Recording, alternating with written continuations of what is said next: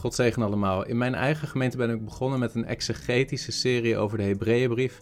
En het leek me goed in het kader daarvan om eens stil te staan bij het belang van contextuele exegese.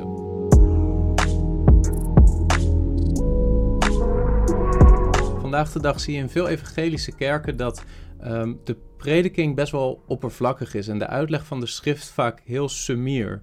Uh, je ziet vaak dat er een preek wordt gehouden over een vers of over een aantal versen.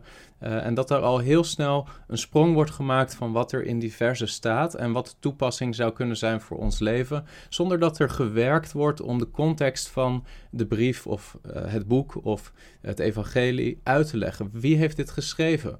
Aan wie heeft hij dit geschreven? Wanneer is het geschreven? Wat was de, de context, de historische context waarin het geschreven werd? Dat zijn allemaal dingen waar je goed over na moet denken en soms ook echt voor moet werken om het goed te begrijpen, voordat je kan komen tot de toepassing voor het hier en nu, voor ons als gemeente en als christenen in het jaar 2022. En wat ik denk dat ons daarin in de weg staat in onze tijd, is dat we graag dingen snel willen hebben. We willen niet hard hoeven werken om iets te verkrijgen. En dat zie je bijvoorbeeld ook in de manier waarop we met voeding omgaan. Als je uh, het concept van de McDonald's bestudeert, fastfood.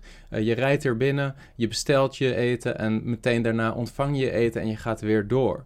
Maar wanneer we dat ook op die manier doen met geestelijk voedsel, is het net als in het natuurlijke al snel een probleem, omdat het niet leidt tot een gezond dieet en tot diepgang en groei in je geestelijk leven. En net als in het natuurlijke, je kunt niet alleen maar hamburgers eten heel de dag, uh, ook al is een hamburger op zijn tijd helemaal niet verkeerd. Je kunt niet alleen maar fastfood eten. Je zal soms ook iets moeten eten wat gezond is en doorgaans moet je daar ook iets harder voor werken. En een interessant schriftgedeelte, wat ook hier betrekking op zou kunnen hebben, vinden we in het boek Job. In Job 28. Daar lezen we dat Job zich verwondert over hoe de mensen werken om schatten te verwerven uit de aarde. Uh, er staat in Job 28, vers 9 dit: De mens slaat zijn hand aan het harde gesteente. Hij keert de bergen vanaf de wortel om.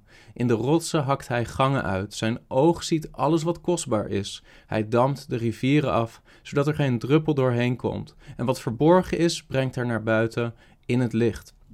En in de context eh, gaat het erom dat Job zich verwondert over hoe de mens moeite doet om diep een berg in te gaan om daar bijvoorbeeld het goud uit de bergen te halen. En de manier waarop mensen structuren aanbrengen, hè, misschien heb je dat wel eens gezien, zo'n zo'n mijn en hoe dan een stuk uit de berg wordt gehakt en vervolgens een soort steunende structuur wordt gemaakt van houten balken, zeker vroeger, houten balken. En dan weer een klein beetje dieper de berg in wordt gegraven en gehakt.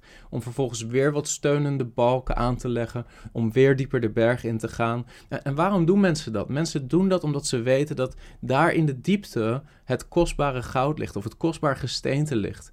Uh, en, en ik denk dat we dat in het geestelijke ook kunnen toepassen. Overigens stelt Job vervolgens de vraag: de mens is zo hard aan het werken om dat soort kostbaarheden te verkrijgen, maar de wijsheid, waar wordt die gevonden? En ik denk dat we dat geestelijk ook kunnen toepassen als volgt. Soms is het, of vaak is het belangrijk, willen we de schatten van de schrift ontdekken, willen we dieper komen in onze kennis van wie Christus is, willen we het geestelijk goud ontvangen uit de brieven van het Nieuwe Testament, dan moeten we soms hard werken. Dan moeten we soms uh, contextueel werk doen. Dan moeten we soms uh, hard werken om de context te begrijpen waarin een brief is geschreven, om een bepaalde structuur te bouwen. Ook wanneer we prediken in de gemeente, om de gemeente daarin mee te nemen en uit te leggen wat de historische context was van bijvoorbeeld de Hebreeënbrief of de Galatenbrief of de Korinthebrieven.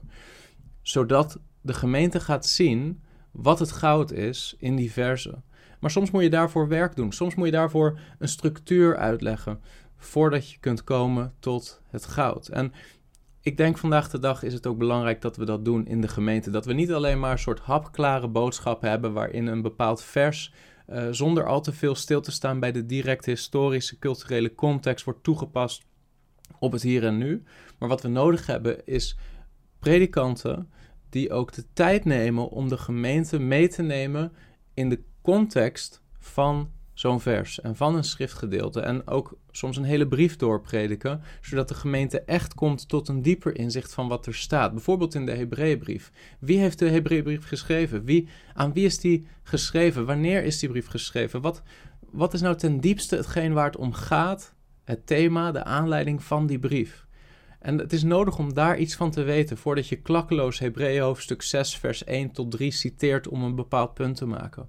Laten we ook vandaag de dag, ondanks de natuurlijke neiging om het eten snel te verkrijgen en fastfood, geestelijk fastfood tot ons te nemen, laten we ons niet daardoor laten meevoeren. Willen we de gemeente van Jezus Christus, de ware schatten van Gods woord laten zien, dan moeten we soms wat dieper de berg in gaan. En dat betekent werk. Dat betekent hakken, dat betekent structuren aanleggen om het duidelijk te maken aan de gemeente. Maar dat is het allemaal waard om Christus beter te leren kennen. En Christus leren we beter kennen ten diepste en meestal door zijn woord te bestuderen. Ik hoop dat je hier wat aan hebt aan deze aansporing. En mocht je het interessant vinden om meer te horen over de context van de Hebreeënbrief, laat het dan weten in de comments, dan zal ik daar wat aandacht aan besteden in een van de volgende video's. God zegen. Heb je iets gehad aan deze video? Druk dan op like en wil je vaker dit soort apologetische video's zien? Abonneer dan op dit kanaal.